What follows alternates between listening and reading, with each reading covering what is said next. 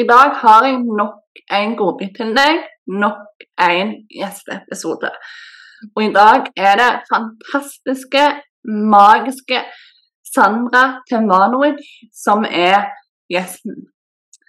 Ei rå dame som jeg kunne vel snakket med i evigheter. Jeg digger energien hennes. Og vi har mye til felles. Og sitter du der nå og føler at du skulle ha bedre kontroll på frykten din.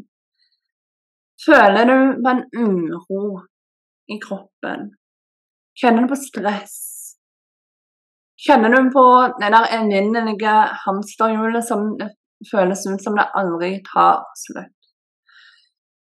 Skulle du ønske at du var bedre på å ta vare på deg sjøl og lytte til kroppen og dens behov, og skulle du ønske at du faktisk kunne sette deg sjøl først, uten snev av dårlig samvittighet, uten tanken om at du er egoistisk av den grunn.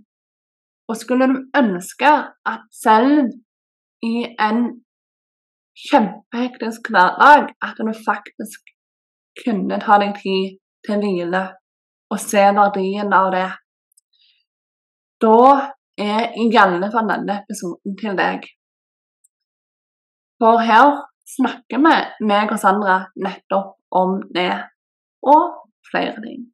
Sandra deler òg litt av sin historie, og eh, hvor, ja, hvor hun gikk fra å være akupunktør til å nå være minementor, hva det har gjort for henne, og eh, hvorfor liksom hun ønsker å hjelpe mennesker med nettopp dette med hvile. Hvorfor er det viktig? Så med det sagt, så setter jeg bare over til Sandra når introen er ferdig. Så god lytting, og la deg bli inspirert. Hei, hei, magisk sjel. Du lytter nå til podkasten 'Gjør det umulige mulig', som drives av meg, Linn Kleppa, som er intuitiv empowerment coach. Dette er podkasten for deg som drømmer om et magisk liv sammen med universet.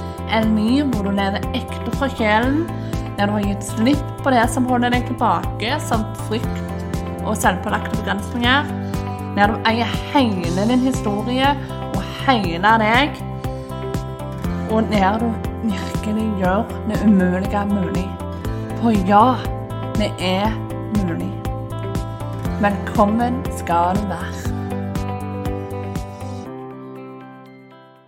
Velkommen til jeg, Sandra. Så kjekt å se deg. Tusen takk. Veldig hyggelig å være med i podkasten din, altså. Veldig, veldig gøy. Veldig kjekt at du hadde lyst til å bli med, eh, først og fremst. Og så sånn før vi Nå skal jo du få lov å dele litt av din historie og sånn. Eh, men før det eh, har du lyst til å fortelle litt kort om deg for de som ikke kjenner til deg fra før? Mm. Jeg heter da Sandra Tevanovic, og jeg har da vært eh, akupunktør i mange år. 10-12-13 eh, år. Eh, og så eh, har jeg jo skjønt underveis der at jeg er klarsynt og litt mer intuitiv enn jeg var klar over selv. Så jeg fikk et indre syn da i 2022, tror jeg det var, at jeg så nålene falle. At jeg ikke skulle jobbe med de nålene lenger.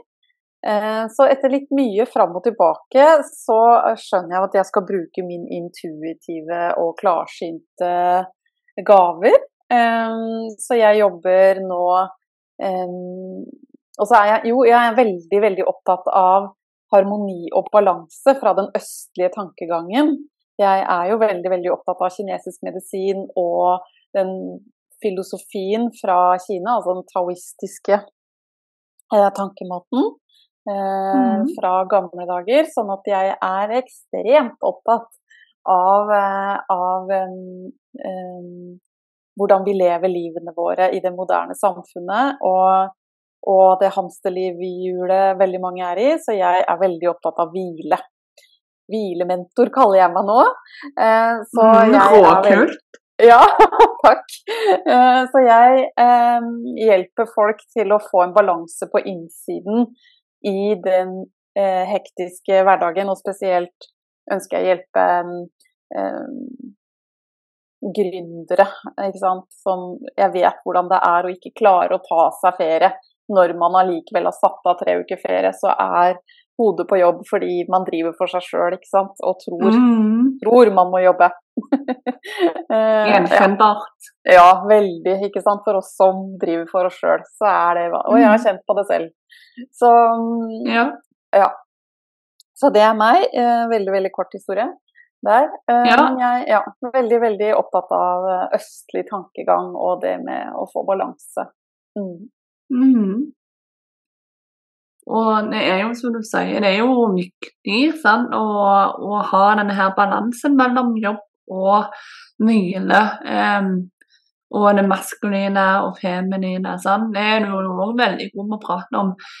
Um, og jeg kjenner jo sjøl at uh, selv om at uh, jeg har lett for å gjerne uh, ja uh, havne bedre og bedre på å lytte til kroppen og, og kjenne etter når jeg trenger hvile, men, men så, så, har du jo brenner du sånn for det du gjør. Sant? At du, du er i denne på-moduset på sett og vis uansett, selv om det er ferie. Veldig, veldig. Og ikke bare i ferien, men også i hverdagen. Da. Eh, mm. ferien, jeg kjente på det selv i år, siden jeg skal begynne med mye nytt nå. Så var ja. det så ironisk i og med at uh, jeg skal ha mer og mer fokus på å hvile og hjelpe mennesker å hvile. Eh, også i hverdagen sin så var jeg så påskrudd på, jo på jobbhodet mitt. Fordi mm. det var så spennende, fordi det var så gøy. Og fordi mm. alt ikke hadde landa ennå. Og når ting ikke har landa ennå, det er jo da det er vanskelig å legge fra seg eh, jobben, mm. så er det det da å huske på at i den tilbakelente krafta, når vi lener oss tilbake, har tillit til at ting kommer til å lande, ting vil eh, ordne seg sånn som det skal, og at vi ikke må pushe og være på produktive, effektive, så, mm. Så er det um, desto viktigere å lene seg tilbake. Og det er da det er da de gode ideene kommer. Det er da eh, kreativiteten og de fine i, eh, tankene og ideene og det som virkelig treffer. Det er jo da det kommer, mm. når det ikke er hodestyrt, men når det er hjertestyrt. Og lene seg tilbake, og, tilbake i tilliten. Og det, mm. Mm. og det trenger vi i hverdagen nå, ikke bare i de tre uker lange feriene eller fire eller fem eller hvor mange uker man tar. da. Nei. Så det, det trengs i hverdagen. Mm. Det gjør det. Mm.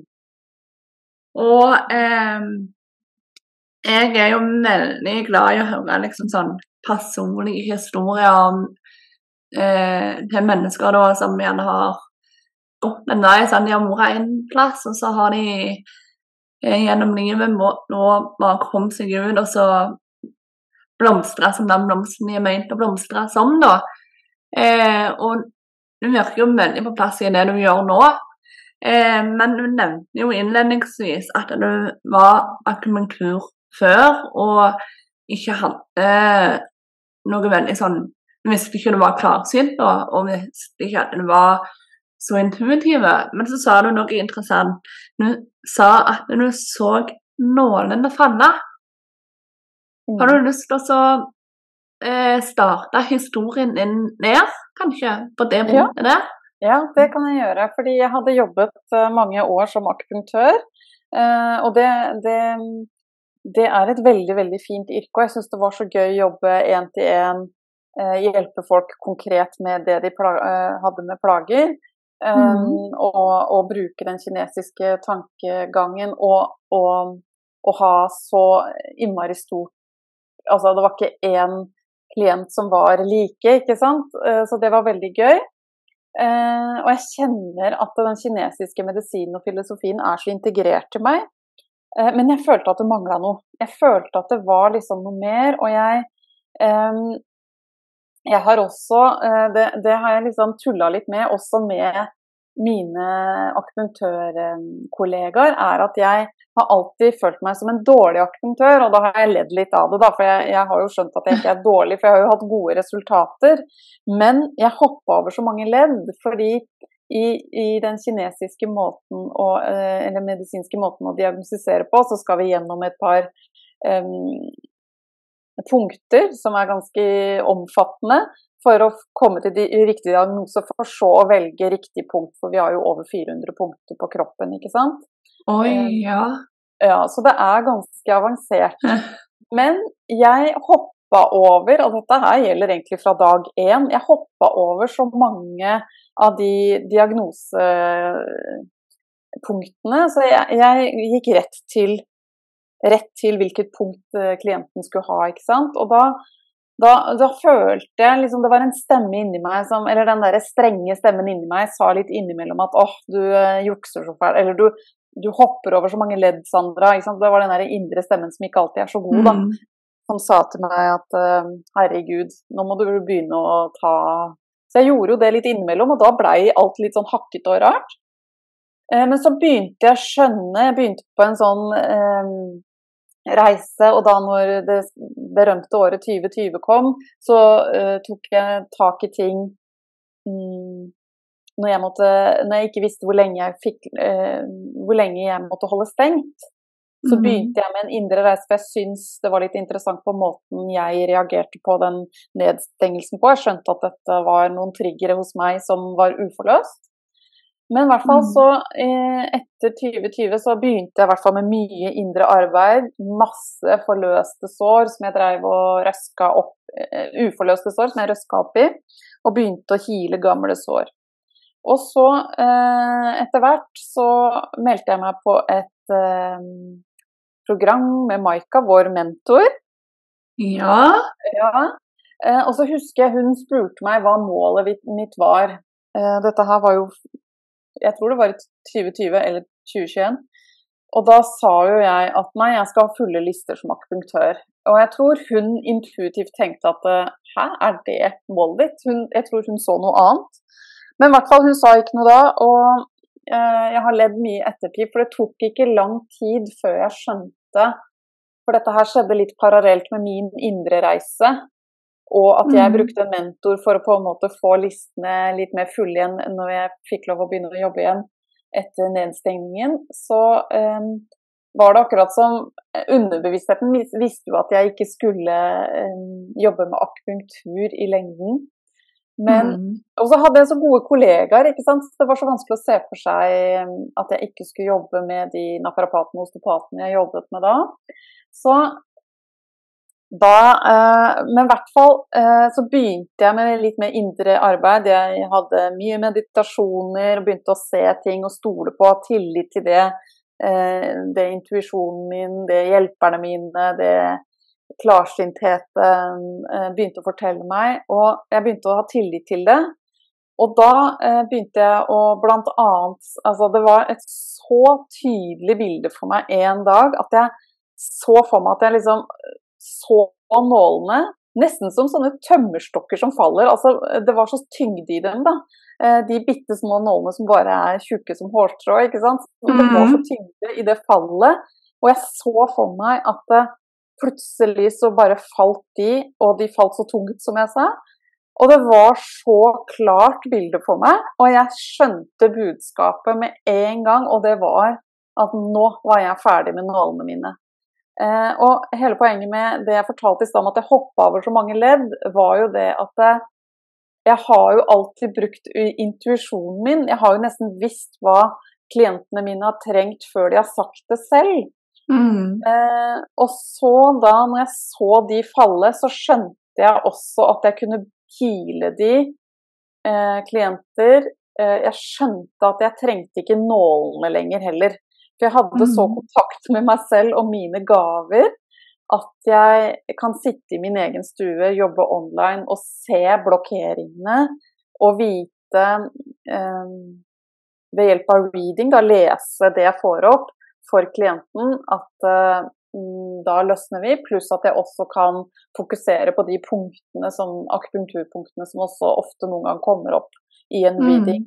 Og da blir det en healing session, ikke sant. Så da Mm. blei det så klart for meg når jeg fikk opp det bildet av de der nålene som bare Jeg bare så liksom drøssevis av nåler som bare falt ned på bakken, og det blei bare helt helt klart for meg at jeg skal jo bruke evnene mine eh, på en helt annen måte. Og det var jo egentlig først da jeg også skjønte Samtidig med at jeg, slutte, jeg skulle slutte med nålene, så var det også da jeg skjønte virkelig at jeg har jo vært en god akupunktør fordi jeg har brukt intuisjonen og klarsyntheten, ikke sant? Så det var så ironisk egentlig at det var da jeg virkelig fikk tillit til hvorfor jeg var så kjapp med å finne punktene til det, de som kom. Eh, men samtidig så skjønte jeg at det var jo ikke fysiske nåler jeg skulle bruke lenger. Men det var veldig sterkt for meg, for da skjønte jeg, da begynte jeg å få tillit til gavene mine. Mm. Mm. Og dette var jo eh, Min spirituelle lærer da i 2020 prøvde å fortelle meg dette i mange runder, ikke sant? men det, det gikk ikke helt inn. For den derre slemme stemmen, den derre egoet mitt, den var sånn at Mm. nei, nei, nei, herregud, liksom, skal jeg Nei, det jeg ser, det, det ser jo jeg, det er sikkert ikke noe. Ikke sant. Så jeg brukte Mm. litt tid på det. Mm. Så det er det Ja. jeg bruker gavene fortsatt til. Da. Jeg ser jo blokkeringer, jeg ser følelser som sitter i kroppen. Eh, Så det å hjelpe mennesker med å forløse det, og Mm. eh, nå kommer jeg til å peile enda mer inn på den hvile, ikke sant. Den, ja. Så det er veldig, veldig viktig for Mm. meg å få folk til å komme i harmoni, så må vi forløse noe også, ikke sant. Så, Det er nettopp det, og det er jo enda viktigere nå eh, i den tida vi er i nå, med det store paradigmeskiftet som skjer i verden. mm, mm, Det er mange som sliter med det. Eh, jeg opplever gjerne nå med dine kunder òg at eh, eh, det- når det er kollektiv sånn En kollektiv vanskelig tid, da. mm. Utfordrende tid. Mm. Veldig. Og det håper jeg at folk skjønner at de ikke er alene om. For det er et Mm. kollektivt. ikke sant? Det føles veldig subjektivt, eller at det bare skjer inni en selv. At en står og Mm. kaver og sliter med sine ting, og masse blokkeringer som kommer opp. og Mm. Jeg pleier å si, og det prøver jeg å si til riktig tid, da, at de blokkeringene kommer, er jo en gave, egentlig. Eh, For når De vi er det. Ja, når vi blir trigga og pusha og pusha helt til kanten, så får vi Mm. virkelig mulighet til å rense opp, til å få det ut av systemet, få det ut av kroppen. Eh, Mm. Kanskje avslutte noen generasjonstraumer som har satt seg i mange, mange generasjoner bak oss, som vi har Mm. mulighet til å Jeg, jeg gjør sånn, for jeg ser for meg ofte at vi klipper de generasjonsbåndene, eller de mønstrene, da. Kan vi Mm. velge å stoppe. Mm. Eh, Så det er veldig, veldig spennende tid vi står i nå. Litt sånn som du sier, det paradigmeskiftet. Det er mye som skjer. Mm. Masse som skjer kollektivt, og, og Ja, det er nesten litt sånn trommelfølelse til tider. Ja, det er det. Skal du være med, så heng på. Mm. Det er, det er akkurat sånn, ja. Og det er jo det som er veldig fascinerende. Sant? At det, eh, jeg elsker jo vekst og utvikling, men det er jo så smertefullt i tillegg. Ja, det er helt Eh, men, men det er jo òg nettopp fordi at eh, nå når vi er i dette paradigmeskiftet, sant, så skal eh, For å heve i vibrasjon og sånn, så må disse skyggesidene fram for at det mørke skal bli omdannet til lys. Mm. Eh, og da blir det jo Eneste måten å, å få den forvandlingen til, det er jo at eh, de tingene du har stua bort i mange, mange år, gjerne, sant, de kommer nå til overflaten. Mm. Veldig. Og, mm, Mm. Og da er det jo mulighet for Ja, det kommer til overflaten for en grunn, da. Og det kommer for Mm. at man kan hile det og rense det ut og få det ut av systemet. Og få det mørke, eh, forvandle det til lys. eh, og, mm. Og ikke minst omfavne det varme Nei, det mørke i seg selv, ikke sant. At eh, vi er ikke perfekte, men Nei, aksept, jobbe med Mm. det, liksom. Mm. Sant? Mm. Um, og jeg vet ikke med deg, men sånn som med meg iallfall, så i, i sånne skifter, da, og det å Når ting skal renses ut på en så ekstremt eh, kraftfull og måte, så hjelper det veldig godt å ha det underteamet i ryggen, det universet og den kanalen, som du selv er da. Eh, mm. Merker iallfall jeg. Mm.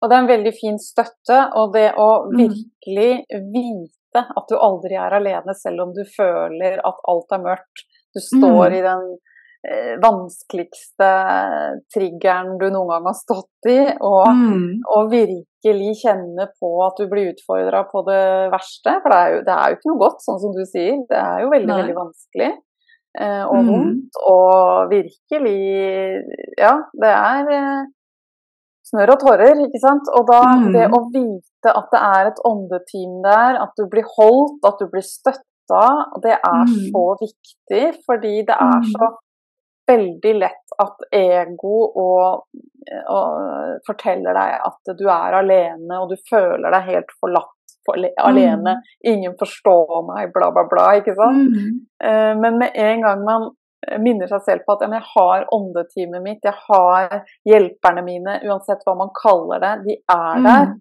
Du blir mm. holdt av moder jord, altså ja, universet jeg har ofte et bilde når jeg virkelig skal jobbe med tillit, så ser jeg for meg at jeg ligger enten i en sånn stor håndflate som bare rommer hele meg, og at jeg lener meg, lener meg tilbake. Ja. det var en fint bilde. Ja. ja. Og da, når jeg får opp det bildet, da er jeg skikkelig sånn surrender. Jeg syns ikke vi har et godt nok ord på norsk, men liksom ligger nesten i sånn hjerteåpner i yogaen, da, sånn at du virkelig har brystet frem, og du ligger der i en tillit, da, da, kjenner jeg at jeg blir holdt av universet, jeg blir holdt av moder jord. Altså, det spiller ingen rolle hvem det er, men det er akkurat som mm. det er en, en hånd der som jeg bare ligger i og er 100% trygg. Uansett hva som foregår, uansett hvilken eh, situasjon man står i. Og ja, det er noe med å vende tilbake til det bildet. Mm. mm. Og jeg må bare si at når du forteller om dette, liksom, og bare nevnte dette milde, så blir jeg rørt, og så får jeg helt gåsehud. Det er sånn skikkelig, skikkelig sterkt. Mm. Ja. ja, og det føles veldig sterkt å virkelig eh, klare å få fram det bildet, for da skjønner jeg at åh, nå er jeg i tillit, nå er jeg trygg. For det er jo ofte den trygghetsfølelsen, den er jeg veldig opptatt av å snakke om. Fordi jeg, eh, mm. som barn så følte jeg meg så utrygg. Eh, og den har hengt så ved meg, og da har jeg blitt Min reaksjon når jeg er utrygg, er at jeg blir passiv. Eh, og det er litt eh, vanskelig ah, ja. når man er selvstendig næringsdrivende og ting er utrygt, så kan man ikke stoppe ja. bedriften. Eh, så Nei. for meg er det jo så viktig bare å ha det verktøyet og vite at ja, men jeg er jo trygg. Jeg blir holdt. Dette går mm. bra. Jeg har tillit. Og ja, det går bra. Eh, så da, da er det noe med å få fram det bildet og vite, virkelig vite innerst inne at det går bra. Og de mm. prosessene man er i, skjer for en grunn, vite det òg. Da er det også lettere å hvile seg inn i det bildet, ikke sant? når man vet at ok, dette varer ikke for evig. Mm. Dette er en del av meg som, som forløses nå, og mm. det hiles, og det kommer Altså, det mørke kommer opp i lyset, litt som troll. Troll som kommer fram i lyset, mm. og da, da, skjer det noe. Da skjer det noe magisk, mm. noe forløsende. Um, og jeg og du er jo slanger i kinesisk horoskop, så vi, ja.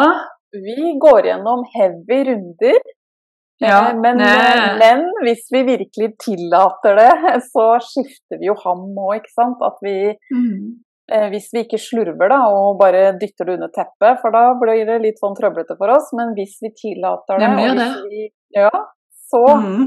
så, blir det store skifter. Og vi kan skifte fort, og vi kan skifte ofte. Mm. Eh, så, og det merker jeg jo selv. Noen ganger er det sånn derre Å, herregud, var det ikke pause nå? Etter en stort skifte, og så er det på'n igjen med neste. Eh, ja. Og noen ganger må man nesten holde seg selv fast. For det skjer så mye og så fort. Andre ja. ganger så får man litt hvile mellom slaga, eller litt Kjenne følelsen. Ja. ja. Det, og det kan være heavy, som du sier. Det, mm. Eh, men eh, det er derfor det er viktig, som du sier, da, å vite at skjer av en grunn. Det Mm. er òg en tro som har hjulpet meg enormt mye. Mm. Og eh, en annen bilde på dette her med at ting skjer av en grunn i forhold til også det du nevnte, det er jo òg dette her med at det, eh, du på en måte skal slå sprekker for at lyset skal få komme til sant? Ja, og ut. ja, ja. Eh, det er jo et annet bilde gjerne mange bruker som en sånn metafor på at det vonde det, det er for at du skal virkelig få fram potensialet ditt. Sant? Mm, Eh, Mm.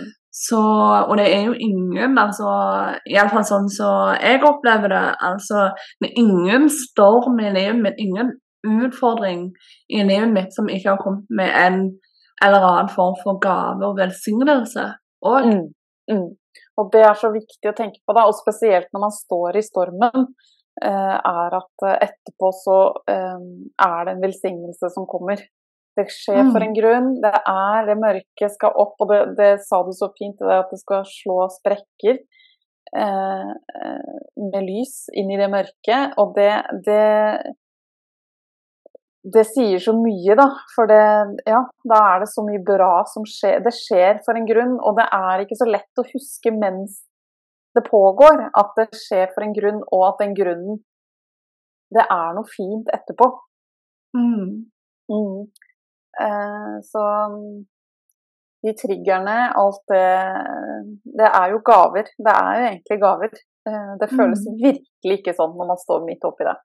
Det er vondt og vanskelig. ja. Men det, det skjer for en grunn, og det skjer for at vi får, forløst ting og healet, og det blir lyst, da. Det blir lyst. Så det er en um, Mm. Mm. Ja, så var du litt inne på dette her med, med at du føler deg eh, utrygg i barndommen og, eh, og sånn. Og jeg vet jo litt av din historie og kan trekke litt paralleller til min egen historie på en måte. vi gjerne eh, alles, eh, alles historier er jo forskjellige, men Mm. det er gjerne sånn eh, nøkkelkomponenter som er litt like, da. Eh, Mm. Av følelser eller Mm. Så har du lyst til å fortelle litt mer om hvordan livet ditt på en måte var før du fikk ditt vendepunkt? Mm, jeg, eh, jeg var jo veldig utrygg som barn, og jeg har eh, små, store traumer, på en måte. Eh, og jeg hadde en eh, ganske stor traume, eller en stor hendelse i livet da jeg var sånn åtte-ni år, som gjorde at jeg eh, Mitt nervesystem gikk litt i lås. Um, og det har vært aktivert for mye, da. Altså nervesystemet klarte ikke helt å slappe av til voksen alder. Eh, så eh, eh, underveis der så visste jeg det jo, også fordi jeg var jo veldig intuitiv uten å skjønne det sjøl. Jeg skjønte egentlig hele veien at nervesystemet mitt er jo for mye på. Jeg er Mm. utrygg. Jeg er eh, eh, for mye på, ikke sant. Pluss at du har de evnene at du registrerer hvordan folk har det og føler det uten at du skjønner det sjøl. Så blei det jo veldig mye oppi hodet mitt. Mm. Um, men jeg har jo nevnt det før òg, at um, uh, dette gikk veldig opp for meg, for jeg har en historie som ufrivillig barnløs. Uh, og jeg syns ikke skolemedisinen møtte uh, årsaks... eh, for det er jeg veldig opptatt av, det er vi veldig opptatt av i kinesisk medisin, er å finne årsak til hvor, hvorfor ting er som de er. Og jeg syns heller ikke jeg fant årsaken i kinesisk medisin. Eh, for jeg visste vel egentlig at det, dette her har noe med nervesystemet mitt å gjøre. Så igjen da, så må jeg tilbake til 2020, under nedstengingen av hele verden, og selvfølgelig min Mm. bedrift òg. Da gikk hele nervesystemet mitt helt i lås. Som igjen gjorde da at jeg blei så nysgjerrig. Jeg er 5-1 i human design for de som er kjent med det. Og det betyr at jeg liker å gå i dybden, blant annet. Eh, Mm. Jeg er investigator, at jeg vil virkelig forstå i dybden hva som skjer. Og de to tingene var jo litt sånn parallelt også, men de to tingene gjorde at jeg ble veldig, veldig nysgjerrig på mitt nervesystem. Eh, jeg visste at det var for mye på, både med den ufrivillige barnløsheten og at jeg gikk helt ned for telling. Eh, jeg bare lå som en kveil og passiv under nedstengingen, og alle, alle i, gås, i anførselstegn, eh, fant på måter å tjene penger på som ikke jeg gjorde. Jeg klarte ikke, jeg var helt lamma. Mm. Og da kjente jeg at nå er det eh, Ja, det var liksom noe. Og den gangen så uh, satt jeg på Facebook, og det var en annonse der som irriterte meg litt. Fordi den hadde litt sånn feil farger i forhold til hva jeg liker. Men den var der, og jeg Veldig rart, fordi den dukket opp hele tiden. Men det var da et kurs, uh, spirituelt kurs, som gikk online. Og til slutt så tenkte jeg nei, herregud. Og det var helt ulogisk, for jeg tjente jo ikke noe penger, ikke sant. Og jeg visste jo ikke når jeg kunne starte. Og etter hvert så begynte jeg vel å starte litt og jobbe litt, men da var det jo avbestillinger hele tiden, så det var jo så ujevn inntekt. Men uansett så våget jeg da å ta den ulogiske eh, konklusjonen at jeg tar det spirituelle kurset. Og da fikk jeg jo Altså da Det var vendepunktet for meg eh, den gangen. Eh, og virkelig få en annen eh, måte å se på hvorfor jeg reagerte som jeg gjorde. Få en mm. forståelse for triggerne mine på et helt annen måte enn jeg hadde lært i kinesisk medisin, i vestlig medisin og vår tankegang her eh, på jorda, holdt jeg på å si, i 3D. Mm. Så for meg så var det sånn Å, endelig! Da begynte jeg å skjønne at nå må jeg begynne å forløse og hile. Ikke sant? Forløse og få disse mørke skyggene opp og fram i lyset. Så for meg så var det så aha. Og, eh, og, og, og, det var så åpenbart for meg at det var den spirituelle veien jeg måtte gå. Eh, for, for, at jeg skulle hyles ordentlig. Det, det var det, til og med den kinesiske medisinen, som også for så vidt er ganske spirituell, men måten mm. jeg hadde lært det på, blei for, eh, for eh, kroppslig, egentlig, da, eller for, for, mye 3D, for å si det på den måten. Så da, da var det virkelig et vendepunkt for meg, for da begynte jeg å forløse og rense, eller hva man enn skal kalle det. Altså, jeg begynte mm. i hvert fall med eh, å få de mørke tingene opp og fram i lyset. Eh, så det, det, har jeg gjort siden. det er det jeg har drevet ja. med de siste tre ja. årene.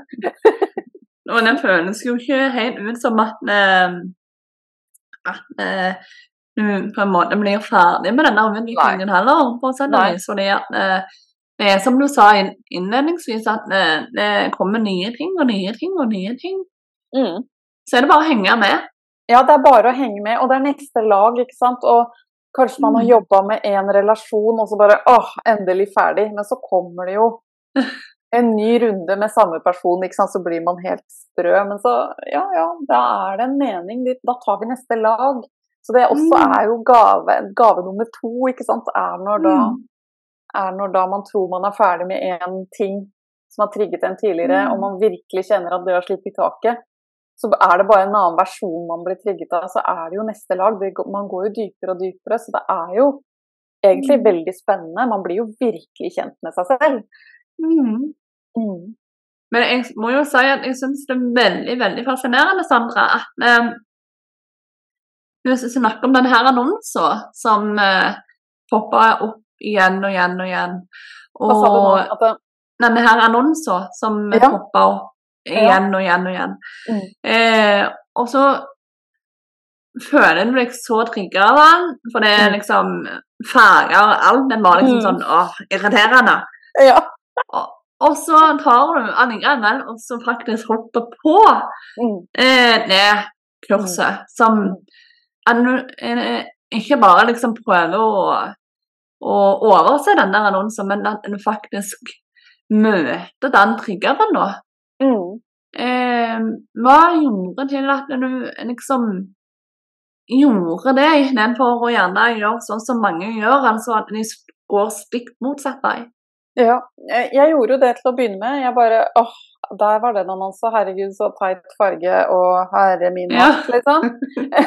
Satt sikkert og himla med mine egne øyne alene. Eh, og så var det jo noe i den teksten som trigget meg, og det var vel et eller annet med, med å Jeg husker ikke ordlyden, men jeg, jeg, skjønte at det var noe som trigget meg også i forhold til det med nervesystemet mitt, da. Eller nervesystemet, eller det med, med jeg tror ikke det var skrevet nervesystemet, men det var skrevet liksom indre uro, eller det var, det var, et eller annet i den som jeg kjente meg for en gangs skyld igjen i. Fordi eh, det manglet jeg jo i mitt eget fag, eller den siste lille biten. Jeg visste at det, det hjalp liksom ikke å åpne hjertet med disse hjertepunktene. Det var noe annet som måtte åpne hjertet mitt. Mm. Um, og, og, og, roe nervesystemet, for å si det på den vestlige måten. Og det, um, det var noe i den annonsen som virkelig begynte å jobbe i underbevisstheten min, tror jeg. Pluss litt mm. i bevisstheten min også. At det er dette dette jeg trenger for at uh, mitt system skal roe seg. Og den gangen så var jeg jo veldig opptatt av fertilitet, og det, eh, det var liksom noe åh, det er dette jeg trenger for å få ting på plass. Mm. Og eh, jeg tror nok det var en sånn indre Noen ganger kan jeg føle nesten at det er en magnet inni meg som drar meg dit. Selv mm. om ego bare Nei, nei, dette er ikke noe Nei, dette er for dyrt, og dette ja, Nei, den, den annonsen var nok ikke riktig for deg, Sandra, for alt av farger og tekst var helt ja. feil. sant? Men så var det akkurat som jeg hadde en magnet inni meg som bare la merke til det hele tiden. Jeg nesten så jeg visste ubevisst at mm. jeg skulle dit. Så det var veldig, veldig sterk følelse. Mm. Eh, og veldig, veldig Jeg ga det på en måte en sjanse, da. Mm. Uh, og det var veldig, veldig ja, intuitivt, egentlig. Jeg brukte den intuisjonen, den ulogiske delen av meg som bare OK, hva er det jeg er jo hva er det jeg blir trigget av her, hva er det jeg er nysgjerrig på? For jeg var sånn trigga, men nysgjerrig, ikke sant? Mm. Ja, så det er noe med å følge den magneten når den er der, eh, og, og virkelig legge bort den derre Nei, dette er for dyrt. Nei, dette passer ikke nå. Nei, off, orker ikke. Bla, bla, bla. Altså alle de der egotankene som er så kjappe, og som mm. kommer så Og som roper så høyt og tar så stor plass. Så er det noe med å uh, våge. Uh, og dette syns jeg er veldig viktig, for den, den, er vi også blitt lært opp til å ikke lytte til, ikke sant. For det, vi er lært opp i vår kultur å lytte til det fornuftige. Lytte mm. til det som er eh, logisk og smart og alt det der. Så, så for meg så eh, handler det om å våge å lytte til den derre Vent litt, hva er dette? Hva er denne Ja. Hva er det jeg blir dratt mot? Hvorfor? Så tørre å være litt nysgjerrig, og så kan det hende at det ikke er helt riktig, men det å våge å liksom lytte til den bitte lille stemmen, da, og, og bare OK, hva er dette? Eh, så var det vel det jeg gjorde. Eh, jeg turte liksom å eh, stille meg noen spørsmål og, og, bare undersøke er dette noe for meg. Og det var det jo. Og da fikk jeg den yes. Og den er veldig sterk hos meg, den kjappe yes. Ja, dette skal jeg, ikke sant. Når jeg da mm. hadde undersøkt litt nærmere. Og snakket med vedkommende og skjønte på ganske kort tid at ja, dette skal jeg bli med på. Så er det noe med å følge den, og ikke la den derre Nei, passer ikke. Ikke la det ego stoppe deg, da. Ikke sant. Mm.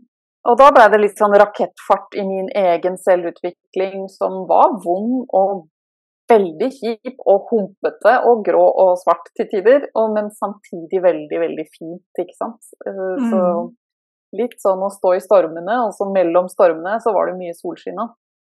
Mm, og det er jo mye det at eh, at en vekst er jo ofte sant, den blandingen. Eh, mm. At når du snakker om eh, en sånn ekstrem forvandling som er bare helt magisk, så, eh, så kan det høres veldig fint og flott ut for de mm. som gjerne bare hører deler av mm. historien. Mm. Men så, så, glemmer du gjerne ut å faktisk fortelle om det der som eh, hva det krevde da å stå i det òg. For at det, det krever altså Det vil alltid komme frykt eller et eller annet Mm. i, altså, i de prosessene. Egoet har mye å si når det gjelder sånne ting som det. Veldig.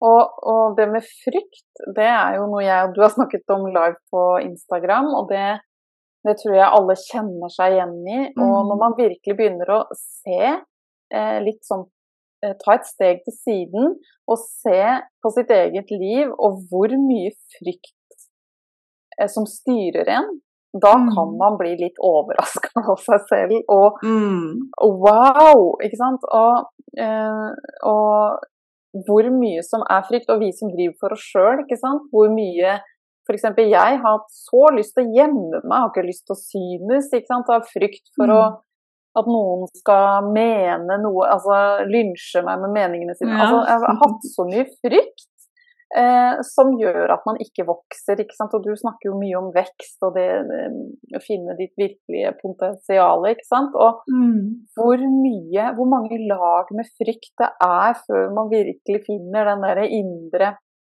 autoriteten og tryggheten, det, det har Mm. vært så overraskende for meg. Eh, Mm. Hvor mange ulike frykter og hvor mange lag Ja. og herre min hatt. Det har vært så mye rart. Ja. Og det er er jo det fortsatt. Det er ikke det at jeg er helt uh, uten frykt, men jeg har i hvert fall Nei.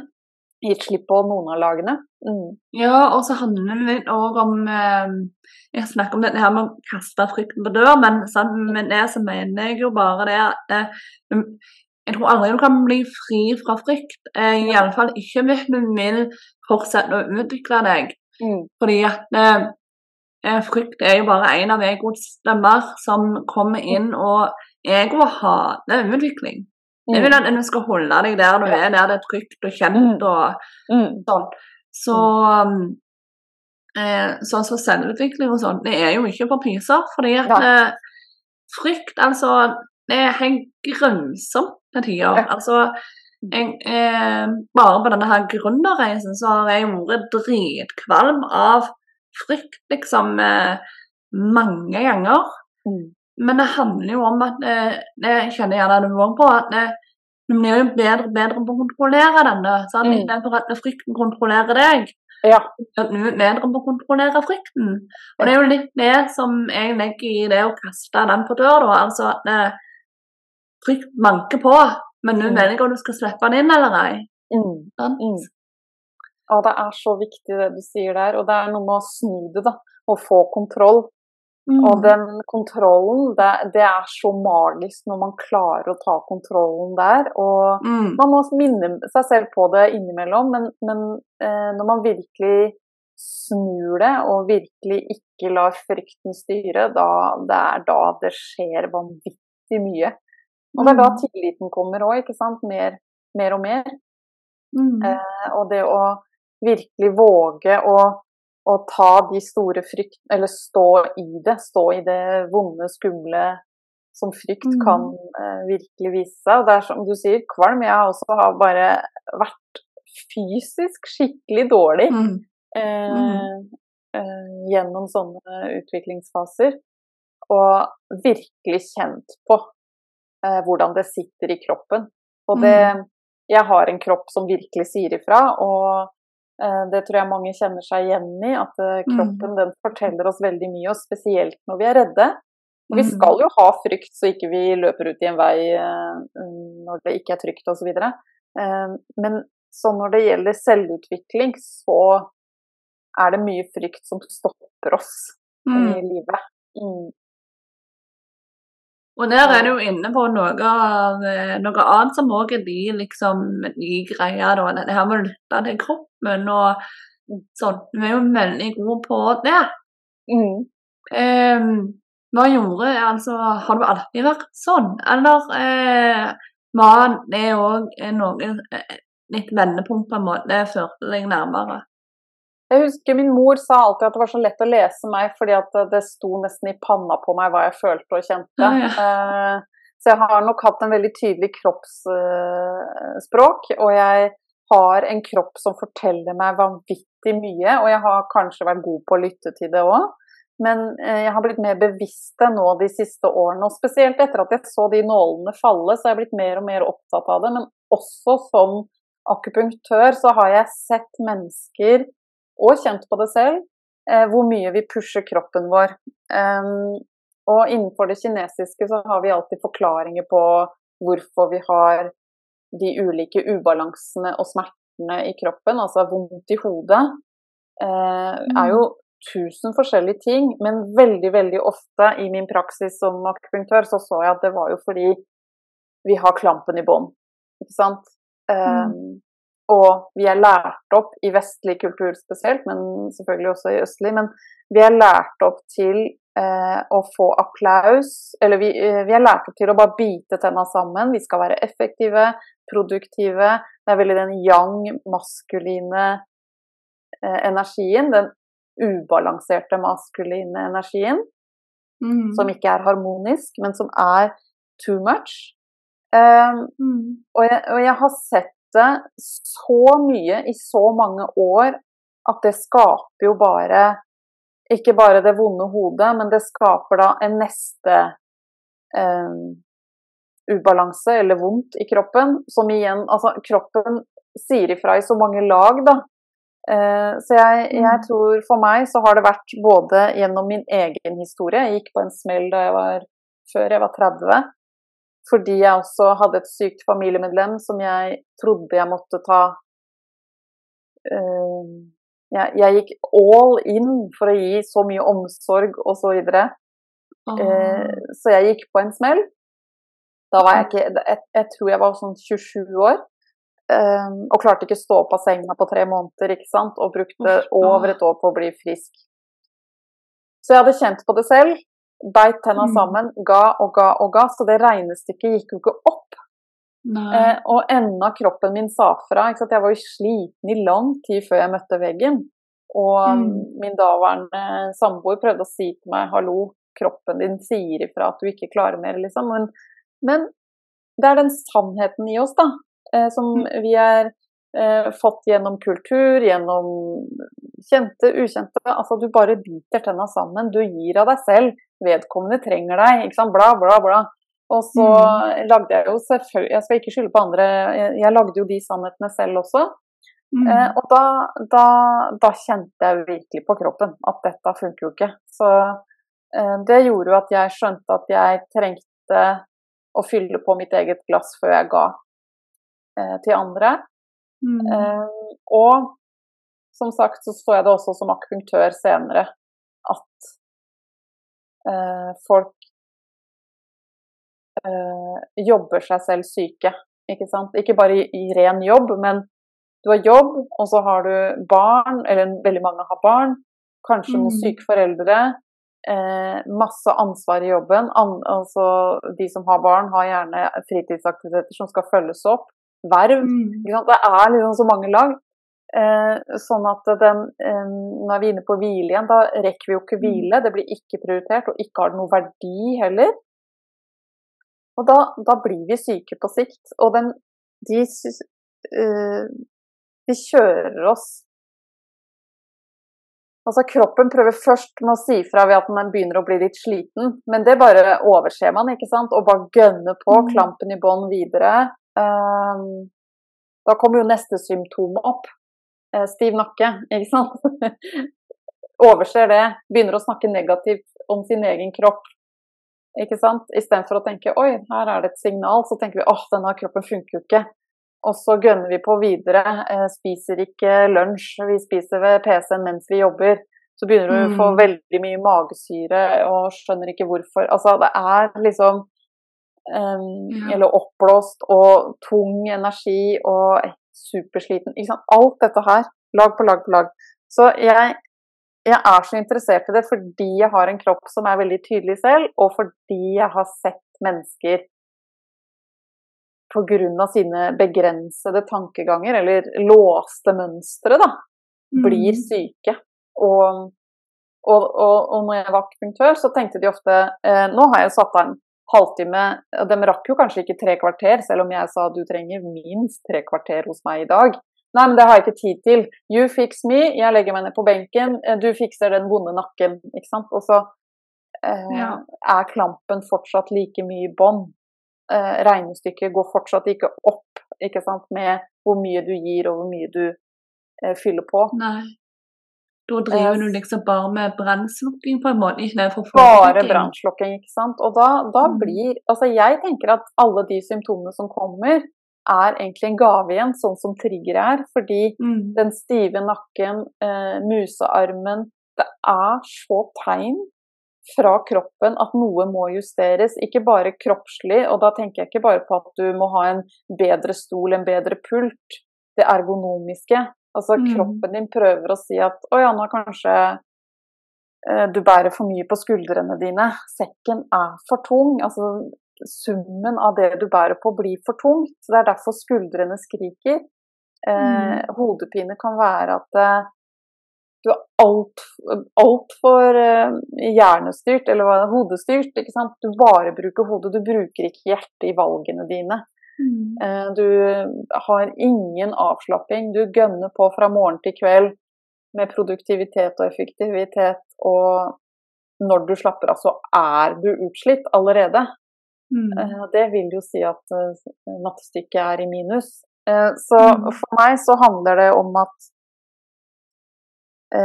vi trenger ikke vente på at verden blir roligere. Vi må ta kontrollen selv og Mm. få det mattestykket til å gå opp, og det å få hvile eh, Se litt på verdien. Hva er hvile?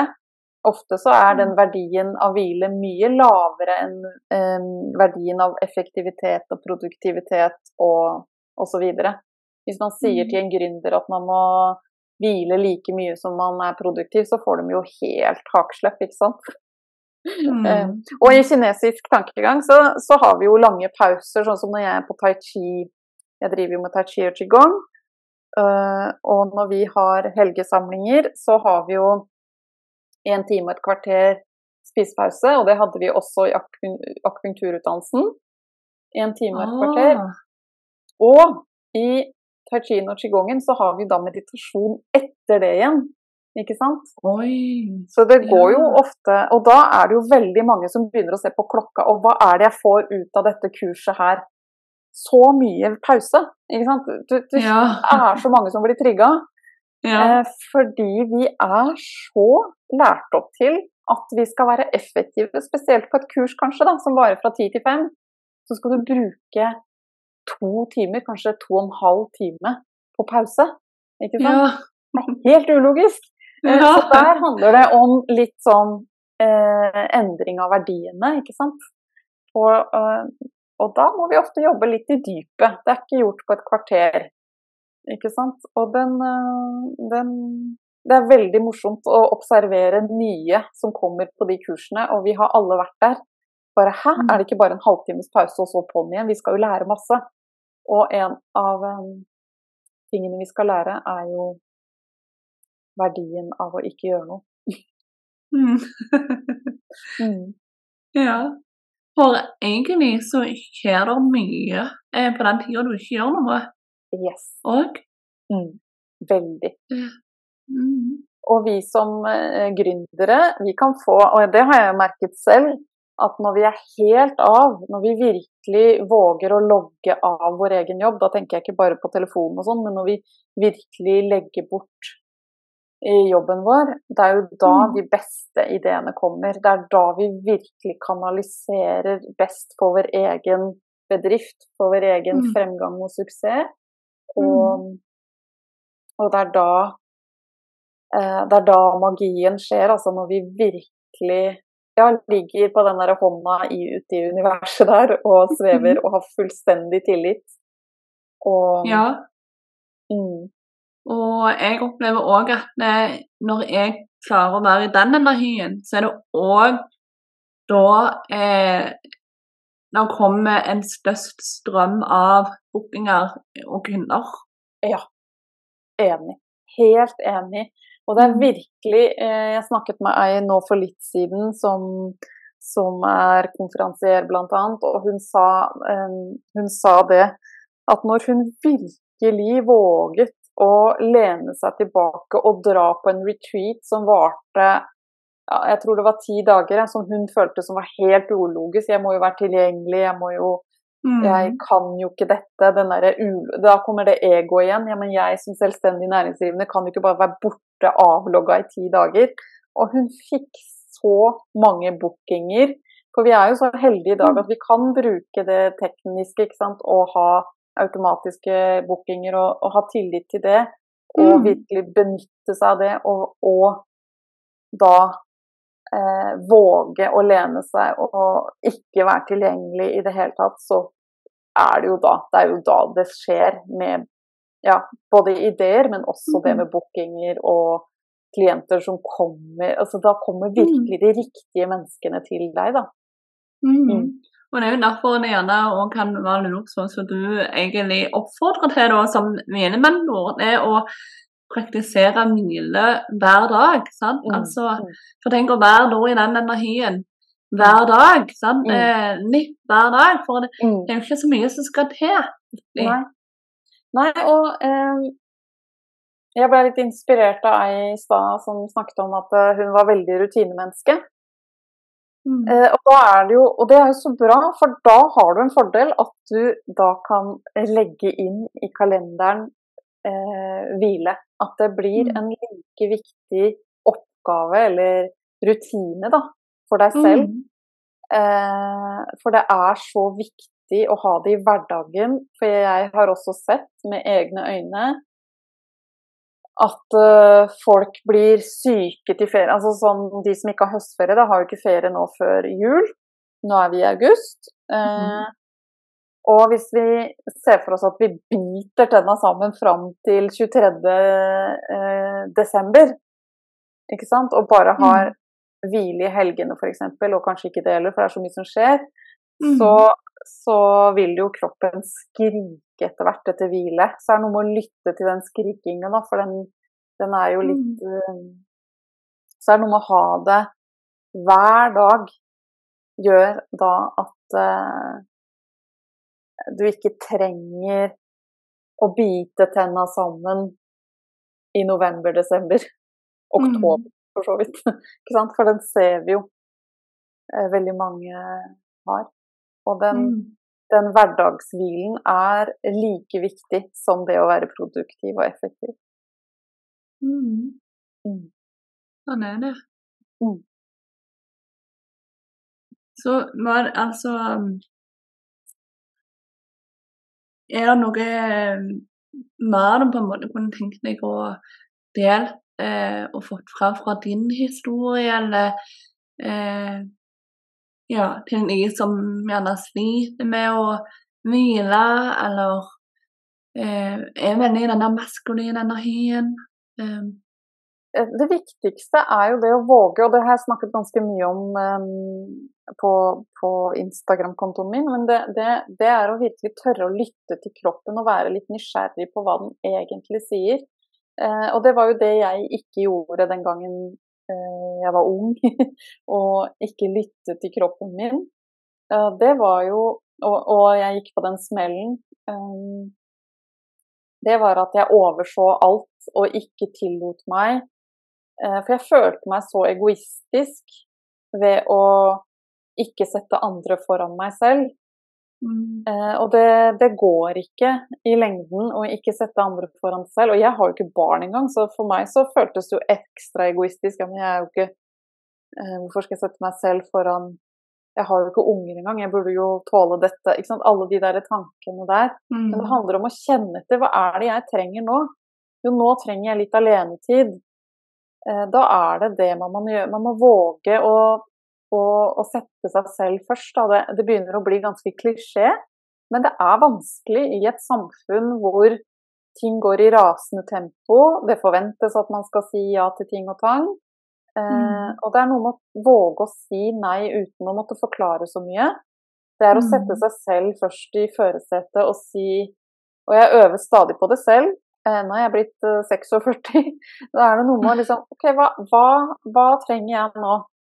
Eh, hvis jeg blir bedt ut på en middag i morgen og jeg kjenner at batteriet er flatt, så jeg Så sier jeg høflig tusen takk for Og er veldig oppriktig takknemlig for at jeg har så fine mennesker i, i livet mitt som eh, ønsker å møte meg.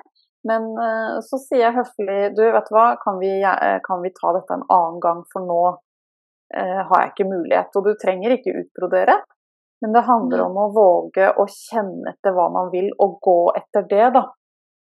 Mm. Fordi eh, kroppen vår er egentlig helt fantastisk. Den, eh, Istedenfor å se på kroppen at den ikke funker, så kan man snu det og, og, og tenke hva er det den forteller meg nå? Eh, mm. Har jeg mye vondt her og der, så er det jo et eller annet den prøver å fortelle meg. Er jeg mm. utslitt, hva trenger jeg nå da? Jo, da trenger jeg kanskje å lande litt i, egen, i min egen hule. Og mm. bare være i min egen energi og lade batteriet. Vi får jo ikke brukt telefonene våre hvis vi hele tiden eh, ikke lader de, og det samme mm. gjelder oss selv. Så det, det, det er noe av det viktigste jeg har lært på min reise, og det viktigste jeg mm. lærte den gangen jeg gikk på den smellen. Og um, det er veldig lett å si, og jeg vet at veldig mange ikke klarer å ta det innover det der at det, hvis ikke du stopper opp nå og lytter, så, så vil man møte den berømte veggen. Og veldig, veldig mange går mm. med nesetippen inntil den veggen veldig, veldig lenge fordi man klarer liksom akkurat å holde seg der, men det er jo ikke bra eh, på lang sikt å mm. ha den der nesetippen inntil den veggen. Så det er noe med å OK, hva kan jeg gjøre i hverdagen? Jeg er veldig opptatt av hverdagen, for dem er det flest av. Så det nytter mm. ikke vente til helgen, vente til høstferien, vente til jul, påske, altså alle de feriene. Det er i hverdagen man må ta stegene. Eh, mm. Det er i hverdagen man må finne en måte å lade batteriene på. Så mm. det, det tenker jeg er veldig viktig. Og også det å våge For meg så har det vært veldig viktig å våge å komme ut av det spirituelle skapet også. ikke sant? Det å tørre å være seg selv. For hvis mm. vi hele tiden prøver å tilpasse oss eh, de rundt oss, så, så, slukker man jo sitt eget lys og dimmer sitt eget lys, og da blir man Eh, jeg ser nesten for meg eh, Da blir man litt sånn lutrygga, og man liksom går med hodet bøyd da, for å prøve å mm. passe inn. Um. Og jeg syns det var kjempeskummelt selv å komme ut av det spirituelle skapet, mm. Eh, fordi det ikke er Hittils ikke har vært helt um, riktig å gjøre det. Det skal man liksom holde for seg selv. Uh, og det, det, det, tenker jeg også gjør noe med deg, med helsa di, hvis du dimmer deg selv, da. Da blir du også ikke så veldig frisk og fin i energien. Så det er noe med mm. Mm. De, Den komboen der. Mm. Mm. Og det er jo noe det du snakker om der, er jo noe som har vært livsforvandlende for meg òg. Eh, mm. hadde ikke vært der, der jeg er i livet i dag om det ikke hadde vært for at jeg faktisk åpna den døra der til mm det spirituelle og mm. vågte å mm. gå min vei. Mm. Ja, det å våge også å gå den veien, ikke sant. Den spirituelle, den ulogiske retningen. Mm. Eh, og man kan få kommentarer. Jeg var jo vant til litt sånne alternative spydigheter. Mm, eller når jeg begynte som akupunktør, så har jeg møtt litt sånn motstand hele veien. Mm. Eh, men eh, jeg skjønner jo nå at det var mine triggere som skulle få meg til å vokse òg, ikke sant. Så det var jo gaver jeg ikke tok tak i da. Men som jeg da Nå hører jeg jo ingenting ennå. Nå er jeg mye mer spirituell. Mye mer alternativ enn jeg var da. Så det er jo en mm. gave å gå den stien. Eh, mm. Og virkelig vise verden også at uh, this is me. Take it or leave it. Mm. mm. Det tror jeg. Ja. ja. og det tror jeg gjør noe med helsa vår fra innerst til ytterst, da. Mm. Mm. Og nå nevner jo dette her med at det, det er gjerne klisjé å si liksom dette her med med viktigheten å ta vare på seg sjøl og alt mulig, men, men det er så viktig å si det likevel, fordi at eh, jeg iallfall snakker og møter så mange mennesker som sliter med nettopp det. Mm. Og har kjempedårlig samvittighet bare ved å tenke tanken på at de skal ta, altså sette seg selv først. Mm. Eh, Mm. for det er egoistisk. Sånn gjør vi bare ikke. Mm. Mm. Eh, så det at folk eh, snakke om at en er faktisk er sunt Mm. å eh, sette seg selv først, at en er, er ikke egoistisk, eh, og du kan gjøre det fra et kjærlighetsfullt ståsted og liksom drite litt i denne janteloven, da.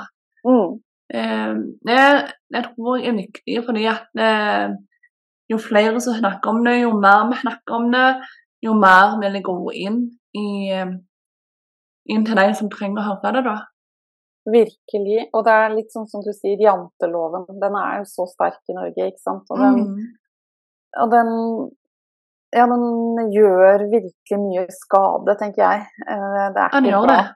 Mm, det er ikke bra i det hele tatt. Så det er noe med å våge å gi litt F i den, og legge den til side, og virkelig våge å gå etter det en kjenner er riktig. For det er Mm. ikke egoistisk, fordi jo mer F.eks. hvis du kjenner at du trenger mer hvile, da, og, og ja, nå var det bare et eksempel, men begynner å prioritere deg selv, så gagner det dine nærmeste. Det gjør det. Gagner virkelig dine nærmeste, for da har du mer å gi etter hvert på en annen måte. Jo mer grenser Mm. du setter for deg selv, jo mer har du å gi. Ja, Mm. og så tenker jeg hva, hva energi er det du gir med? Litt sånn, Du er Mm. helt sliten, du er helt tom Mm. for energi. Eh, og tenker at dette må jeg gjøre det nå, dette var en Mm. ork. Ja. Sånn? Ja. Så gir du ikke meg en god energi.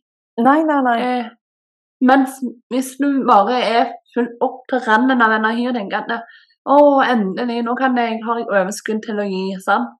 så gir du jo med en så mye bedre energi. Virkelig. Man står i en så annen energi, som du sier, og den andre mm. får jo en genuin, autentisk energi istedenfor en sånn 'jeg må stille opp nå'. Mm. Så da bare står man egentlig og bare vil noe helt annet og er utålmodig og bare gjør det fordi man må. ikke sant? Det er en helt annen energi enn mm. den derre genuine 'nå har jeg virkelig noe å gi her'.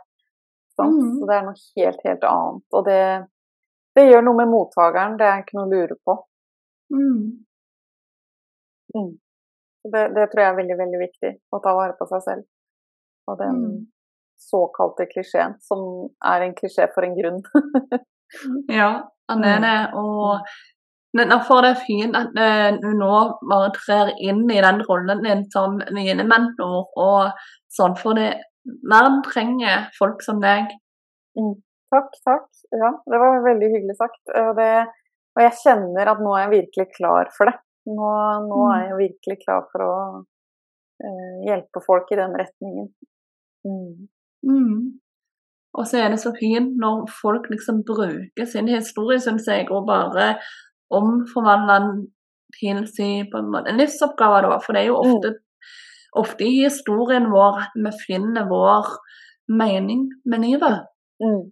Eh, så um, vår måte å bidra eh, til verden på, f.eks. Mm.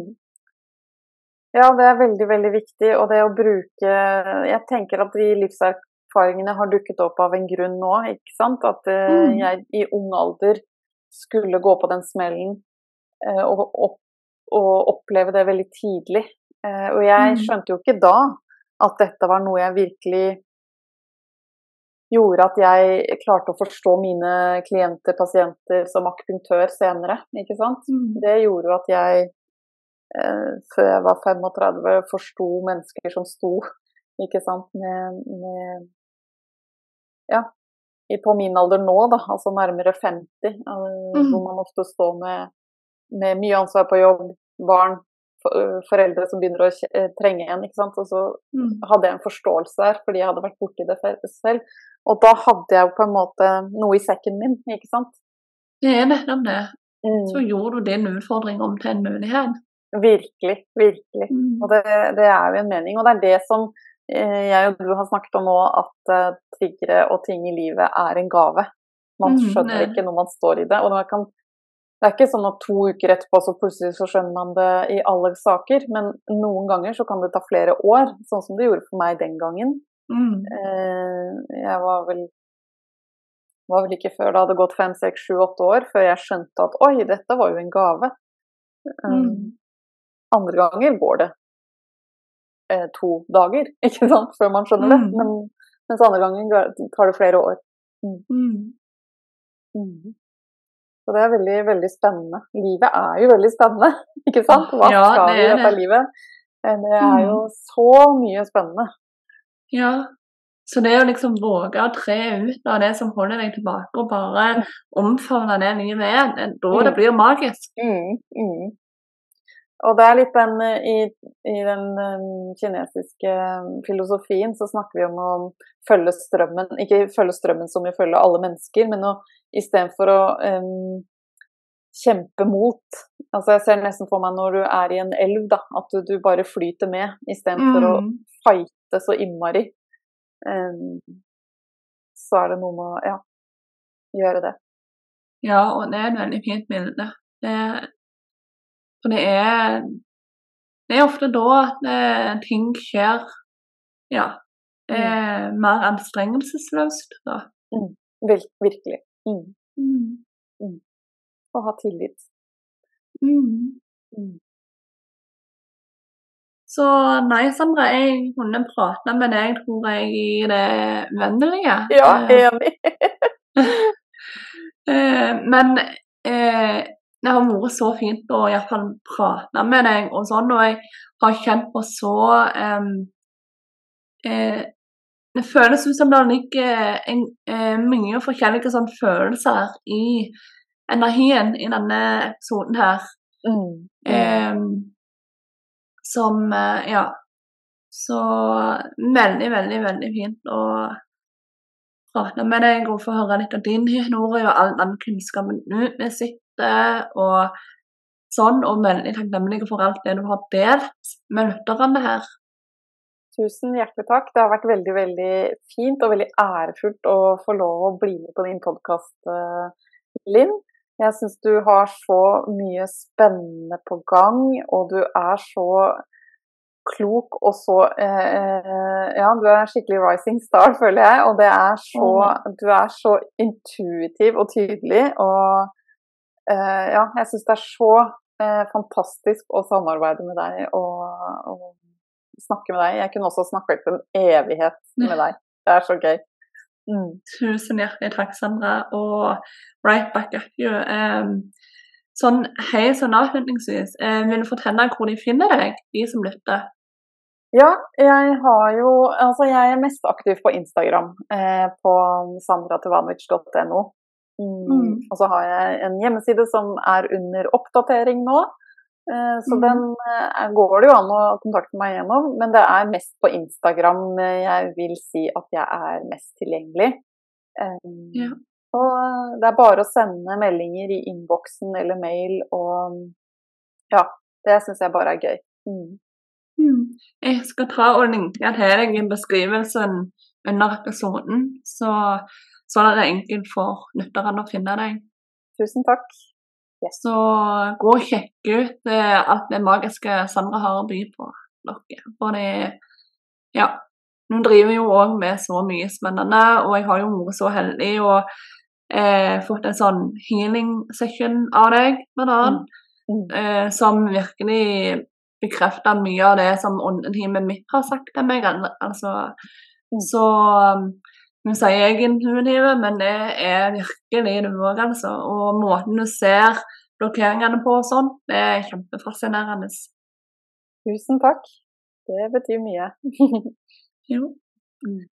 OK, men da sier vi bare takk for i dag, og så må du ha en nydelig og magisk dag, Sandra. Tusen takk, og det samme til deg og til lytterne. Takk, takk. Tusen hjertelig takk, magiske sjel, for at du lytta til episoden. Om du likte episoden eller liker podkasten i det hele, så ta gjerne og følg om du ikke allerede gjør det, sånn at du sørger for å få med deg framtidige episoder. Ta gjerne òg og rei podkasten med fem stjerner der hvor det går an. Legg igjen en tilbakemelding. Eller rett og slett bare del med noen som du tenker vil like den. Det hjelper meg å nå ut til enda flere. Så veldig takknemlige for om du har lyst til å gjøre det. Så med det ønsker jeg bare en magisk dag, helg og uke. Ta vare, husk du er god nok, og at du òg kan være magiker i eget liv. Ha det godt.